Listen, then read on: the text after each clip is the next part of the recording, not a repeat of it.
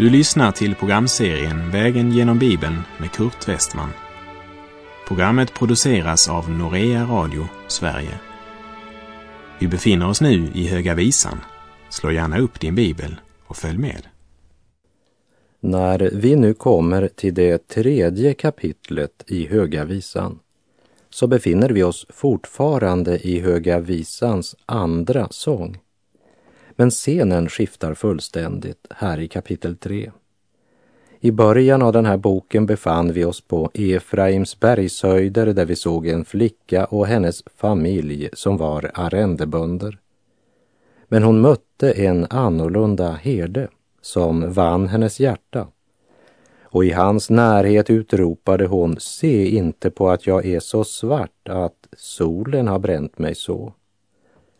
Hennes längtan och glädje står till brudgummen, men hon är bunden i en verklighet som gör henne allt mera svart, därför att hennes bröder har satt henne att vakta vingårdarna. Men det är evangeliets ljus som strålar mot oss då bruden säger svart är jag, dock är jag vacker. Och vi minns från kapitel 1 vad brudgummen svarade bruden nämligen du skönaste bland kvinnor. Och det är som jag tyckte mig höra bruden sjunga ren och rättfärdig, himmelen värdig, är jag i Jesus min frälsare nu. Kungens kärlek har besegrat brudens hjärta och han har fört henne in i sitt palats. Vi läser Höga visan 3, vers 1. Där jag låg på min bädd om natten sökte jag honom som min själ har kär. Jag sökte honom, men fann honom inte. Hon befinner sig i kungens palats, men palatsets rikedom och glans, de feta rätter, de många tjänare, de härliga planteringar är bara tomhet när konungen själv blivit borta för bruden. Hon valde inte honom på grund av hans rikedom, men hon blev vunnen genom brudgummens kärlek, han som hade sagt Du skönaste bland kvinnor, redan medan hon stod där svart och bränd av solen. Och hon hade sagt I vinsalen har han fört mig in och kärleken är hans baner över mig. Men nu var han borta. Det fanns mycket folk vid hovet. Där var liv och rörelse. Men när natten kom, stillheten, ensamheten, då märktes tomheten ännu tydligare. Bruden, den utvalda, som i slutet av kapitel 2 hade sagt min vän är min och jag är hans, där han för sin jord i bet bland liljor. Hon ligger nu på sin bädd och känner både tomhet och förtvivlan därför att brudgummen blivit borta för henne. Det är det som kallas anfäktelse. Och här är det mycket viktigt att lägga märke till vad bruden gör när brudgummen blivit borta för henne. Hon uppsöker inte palatsets gycklare för underhållning och tidsfördriv. Hon inkallar inte några hovmusikanter för att skingra sin oro med hjälp av musik. Hon lägger heller sig inte likgiltigt ner för att försöka sova, men hon står upp. Innan hon la sig till nattens vila hade hon tydligen genomsökt hela palatset, det vill säga hon la allt annat åt sidan och gjorde sig besvär för att hitta sin älskade brudgum. Och Höga visan 3.1 uttrycker verkligen en djup förtvivlan. Där jag låg på min bädd om natten sökte jag honom som min själ har kär. Jag sökte honom, men fann honom inte. Här är det inte likgiltigheten som talar, men en som verkligen söker. Och det är just i detta anfäktelsen ligger. Fastän hon verkligen med iver sökte så kunde hon inte finna. I sin bergspredikan säger Jesus i Matteus 7, vers 7. Bed och ni skall få, sök och ni skall finna. Hur förtvivlat kan det då inte vara för den arma själ som i sin nöd verkligen söker, men ändå måste säga, som det står i Höga visan 3.1. Jag sökte honom, men fann honom inte. Och i nattens ensamhet och mörker blir sådana tankar ännu starkare. Och till dig, kära själ, som just nu upplever att Jesus har blivit borta för dig. Du kan inte finna honom igen. Smärtan är att brudgummen blivit borta. Och det värsta av allt, du har verkligen sökt efter honom, men utan att finna honom. Och nu ligger du på din bädd. Hjärtat är oroligt.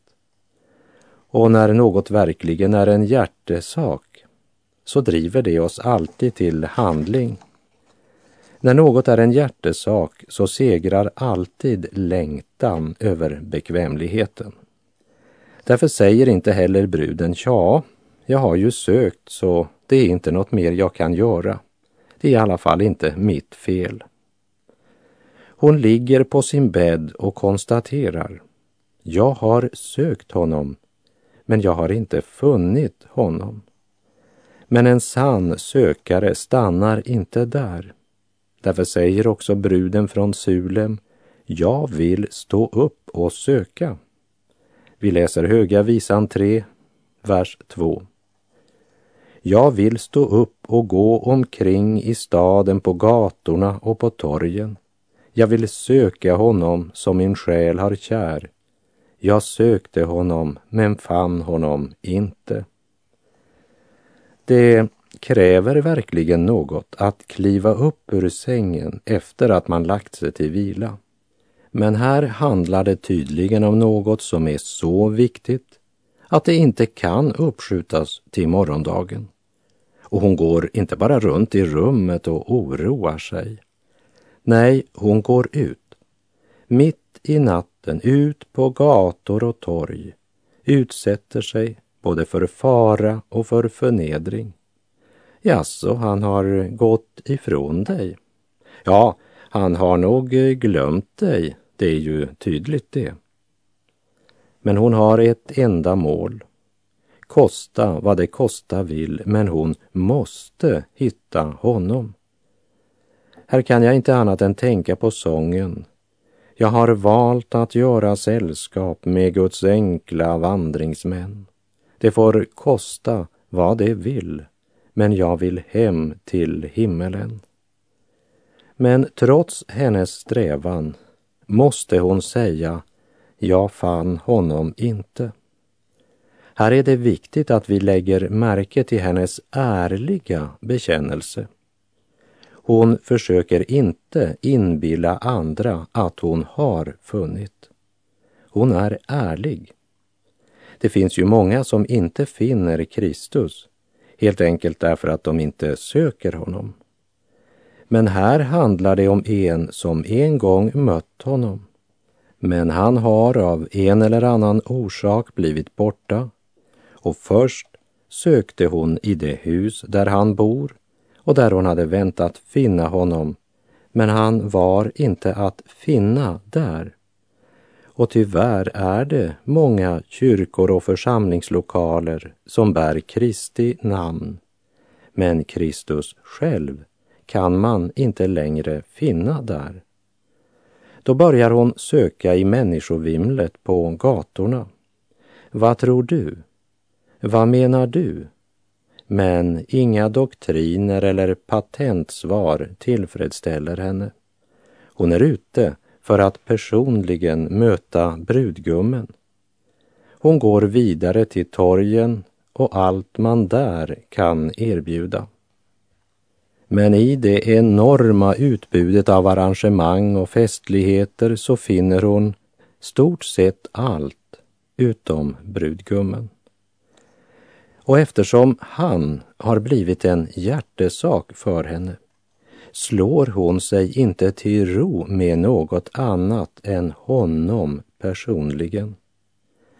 Låt oss ha klart för oss att det handlar om en ärlig sökare som rest sig ur bekvämligheten och gjort allt hon kan för att finna honom men ändå misslyckats. Då är det förtvivlat. Och då är det viktigt att vara klar över att Gud leker aldrig kurragömma med någon människa. Men ibland döljer han sig för oss för att vi av hela vårt hjärta ska söka honom. I anfäktelsens mörker viskar själafienden. Tror du att du skulle ha det så här om du verkligen var ett Guds barn? Du förstår väl att Gud har glömt dig? Inte underligt sån som du är. Hör detta, du modlösa människa, som känner det som om Jesus blivit borta för dig. Hör vad skriften vittnar i Höga visan 3, vers 1. Jag sökte honom, men fann honom inte. Vem är det som ropar så? Jo, det är bruden. Denna nöd är brudens kännetecken. För det är bara bruden som är förtvivlad när brudgummen blir borta. Det är brudens kännetecken.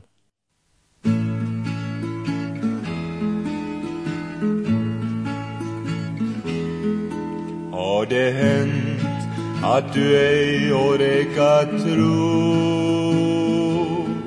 Eller gå över bönernas bro? Är din himmel ej blå bara mulen och grå? Ska du minnas han finns där ändå. Ja, han finns bakom molnen ändå. Ja, han finns bakom molnen ändå.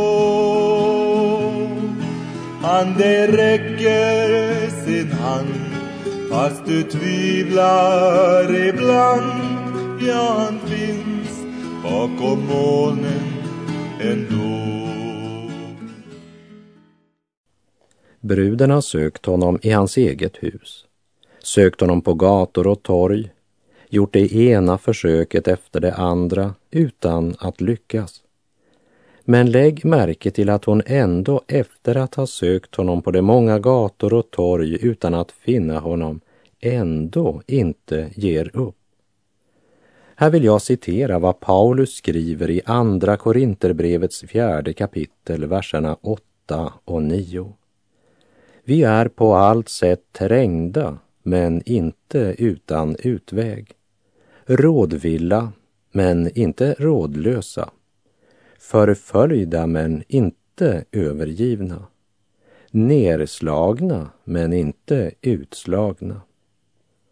Sökandet fortsätter för bruden. Och är det någon som borde veta var han är så är det väl väktarna det vill säga de som vakar medan de andra sover. Och under sitt sökande stöter hon nu på väktarna och hon söker deras hjälp. Kapitel 3, verserna 3 och 4. Väktarna mötte mig där de gick omkring i staden. Har ni sett honom som min själ har kär? Knappt hade jag kommit förbi dem så fann jag honom som min själ har kär. Jag tog fatt och jag släppte honom inte förrän jag hade fört honom in i min moders hus, i min fostrarinnas kammare. Vers 3 och 4 i Höga visan har gjort starkt intryck på mig.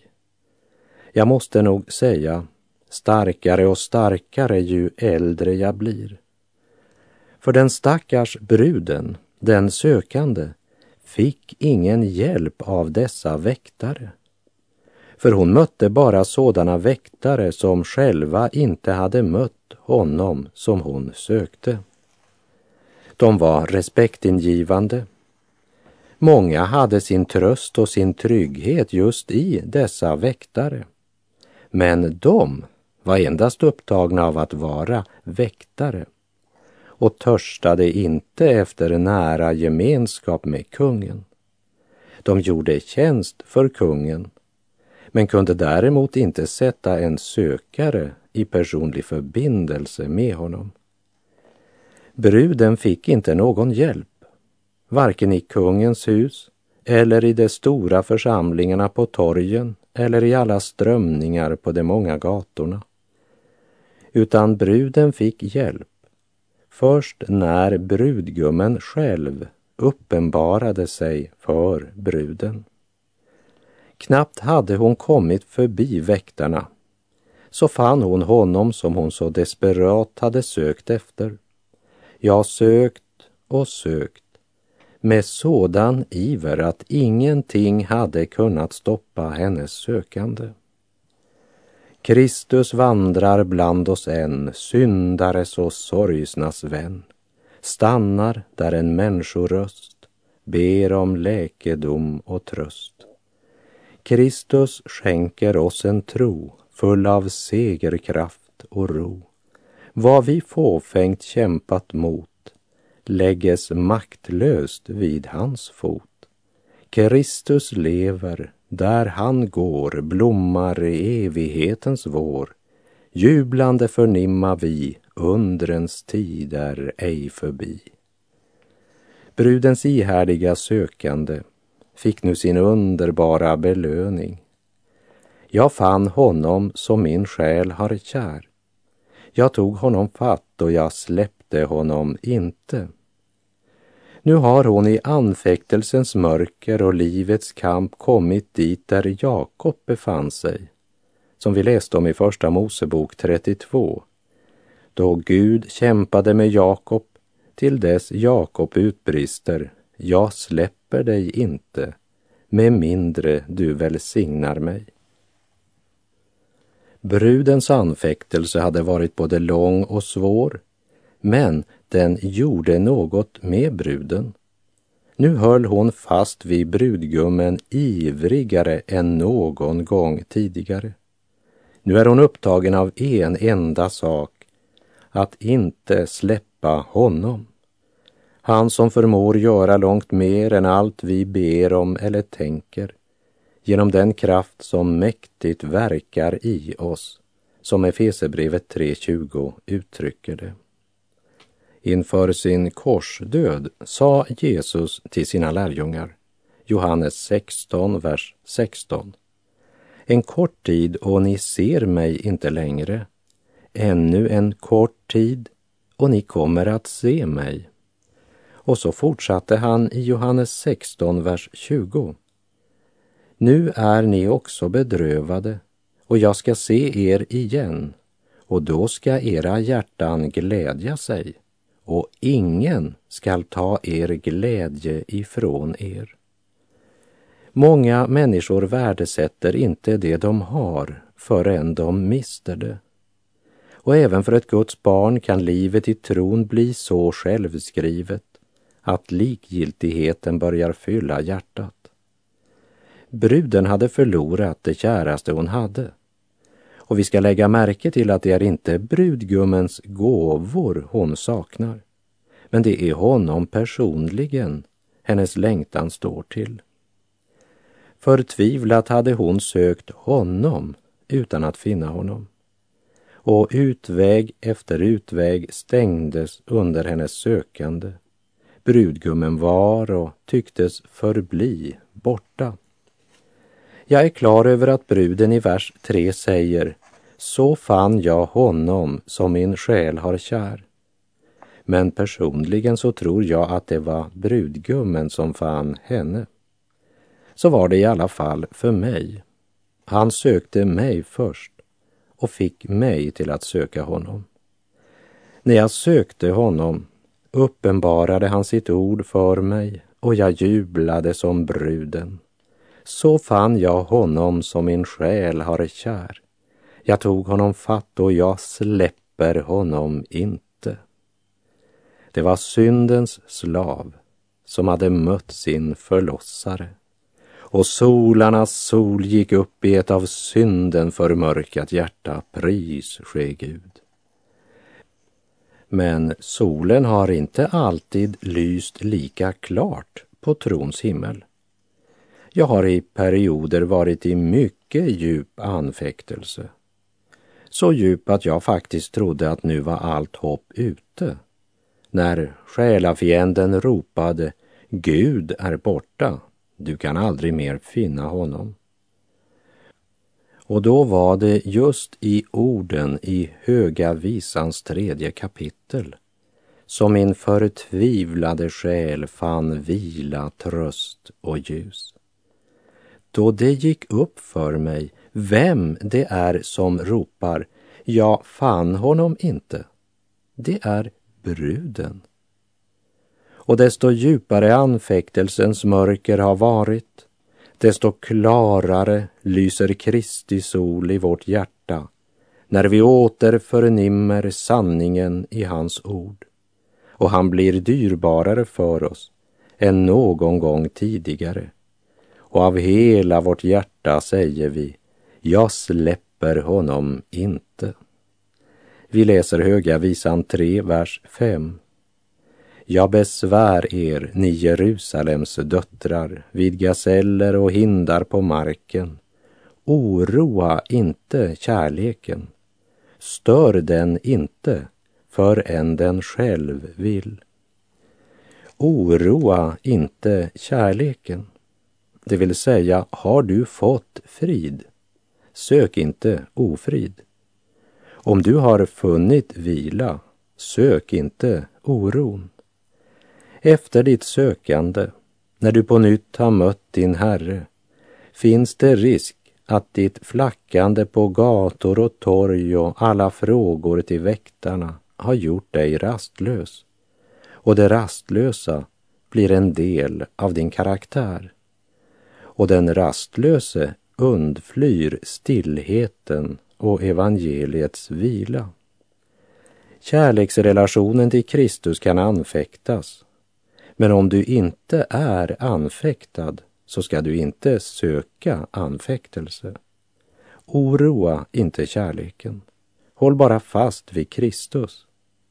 I Jakobs brev 4.8 står det Närma er Gud, så ska han närma sig er. I norsk bibel är det översatt Håll er nära Gud.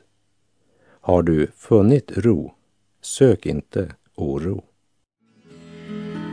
Har det hänt att du brutit hans bud? Eller kanske vänt ryggen åt Gud? Var du bitter och vrång när din tunnel blev lång? Du ska minnas, han fanns där ändå. Ja, han finns bakom molnen ändå. Ja, han finns bakom molnen ändå. Han det räcker sin hand fast du tvivlar ibland. Ja, han finns bakom molnen ändå. Har du kanske vräkt allt över bord? Alla löften och trofasthetsord. Fastän allt var så glatt går det hjälplöst mot natt. Men du ska minnas, han finns där ändå. Ja, han finns bakom molnen ändå. Ja, han finns bakom molnen ändå. Han det räcker sin hand fast du tvivlar ibland. Ja, han finns bakom molnen ändå. Och därmed så är vi framme vid den tredje sången som går från Höga visan 3, vers 6 till och med kapitel 5 och vers 1. Brudgummen som var borta är återfunnen och hon lever på nytt i en innerligt nära gemenskap med honom. Kärleksrelationen är stadfäst. De tillhör varandra för alltid. Men han har rest bort för en liten tid. Men han ska återvända och bruden väntar på hans återkomst. Bruden vakar och lever i förväntan och plötsligt en dag ljuder ropet Han kommer. Vi läser Höga visan 3, verserna 6 till och med 11. Vad är det som kommer hit upp från öknen som i stoder av rök kringdoftat av myrra och rökelse och alla slags köpmanskryddor. Se, det är Salomos bärstol.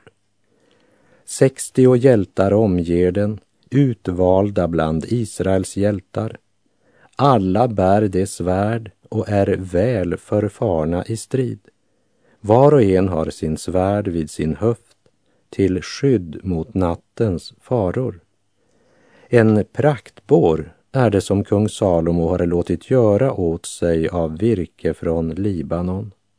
Dess sidostöd är gjorda av silver, ryggstödet av guld, sätet belagt med purpurrött tyg. Inuti är den prydd i kärlek av Jerusalems döttrar. Ni Sions döttrar, gå ut och skåda konung Salomo med lust. Skåda kransen som hans moder har krönt honom med på hans bröllopsdag, på hans hjärtefröjds dag. Jag läser ifrån Johannes uppenbarelsebok 21, verserna 1 till och med 7. Och jag såg en ny himmel och en ny jord. Den första himlen och den första jorden hade försvunnit och havet fanns inte mer. Och jag såg den heliga staden, det nya Jerusalem, komma ner från himlen, från Gud, redo som en brud som är smyckad för sin brudgum. Och jag hörde en stark röst från tronen säga, se nu står Guds tabernakel bland människorna, och han skall bo hos dem, och det skall vara hans folk, och Gud själv skall vara hos dem. Och han skall torka alla tårar från deras ögon. Döden skall inte finnas mer, och ingen sorg, och ingen gråt och ingen plåga. Ty det som förr var är borta. Han som satt på tronen sade, se, jag gör allting nytt. Och han sade, skriv, ty dessa ord är trovärdiga och sanna. Han sade också till mig, det har skett. Jag är A och O, begynnelsen och änden. Åt den som törstar ska jag ge att dricka fritt för intet ur källan med livets vatten.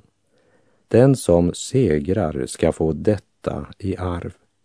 Och jag ska vara hans Gud och han ska vara min son. Och med det så är vår tid ute för den här gången. Se, din konung kommer snart. Låt honom just nu dra dig in i hans närhet. Herren vare med dig. Må hans välsignelse vila över ditt liv, nu och i all evighet. Gud är god.